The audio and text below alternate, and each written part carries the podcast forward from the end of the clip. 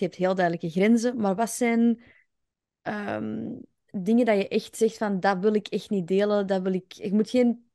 Allee, per se cases aan, ik wil er niet de pier naar de neus halen, maar wat zijn dingen dat je zegt, daar leg ik wel echt mijn grens. Dat deel ik niet online, maar ook niet met mijn coaches. Ehm, welke onderwerpen mogen mensen niet met je bespreken? Hm. Hmm. Ik, ik probeer altijd zo transparant mogelijk te zijn. Mhm. En ik denk dat de eerste grootste grens waar ik aan denk is what's not mine.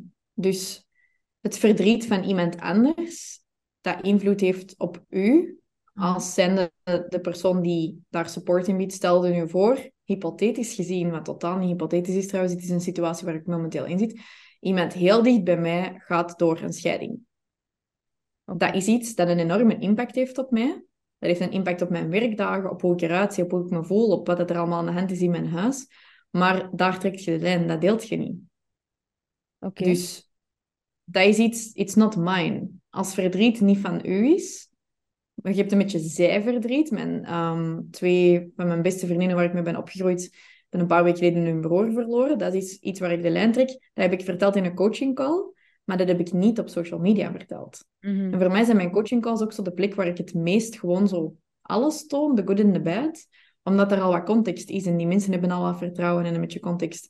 Maar dat gaat je niet op social media delen if it's not your place. Mhm. Ehm, ja, ik zeg het, irritaties. Bij mij zijn bijvoorbeeld annoyances over mijn partner of zo, ga ik ook niet op socials delen. Ik zal alleen maar mopjes delen, maar niet de echte dingen.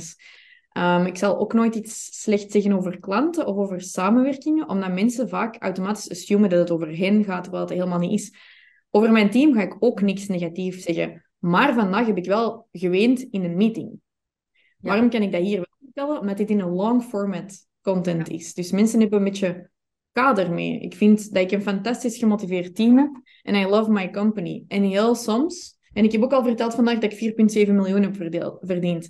Dus dat, dat hangt daar nu. En dan kan ik kaderen. Ja, en vandaag was ik even aan het wenen, zeg. Dat was balen.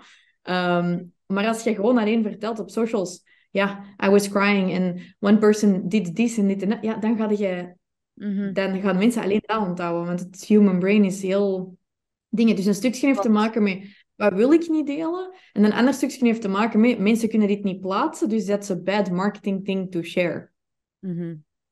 Interessant, oké. En ik zou wel graag soms meer willen kunnen delen over de challenges of leadership, maar dat voelt niet correct naar de mensen die mee in die journey zitten om daar te veel over te delen. Mm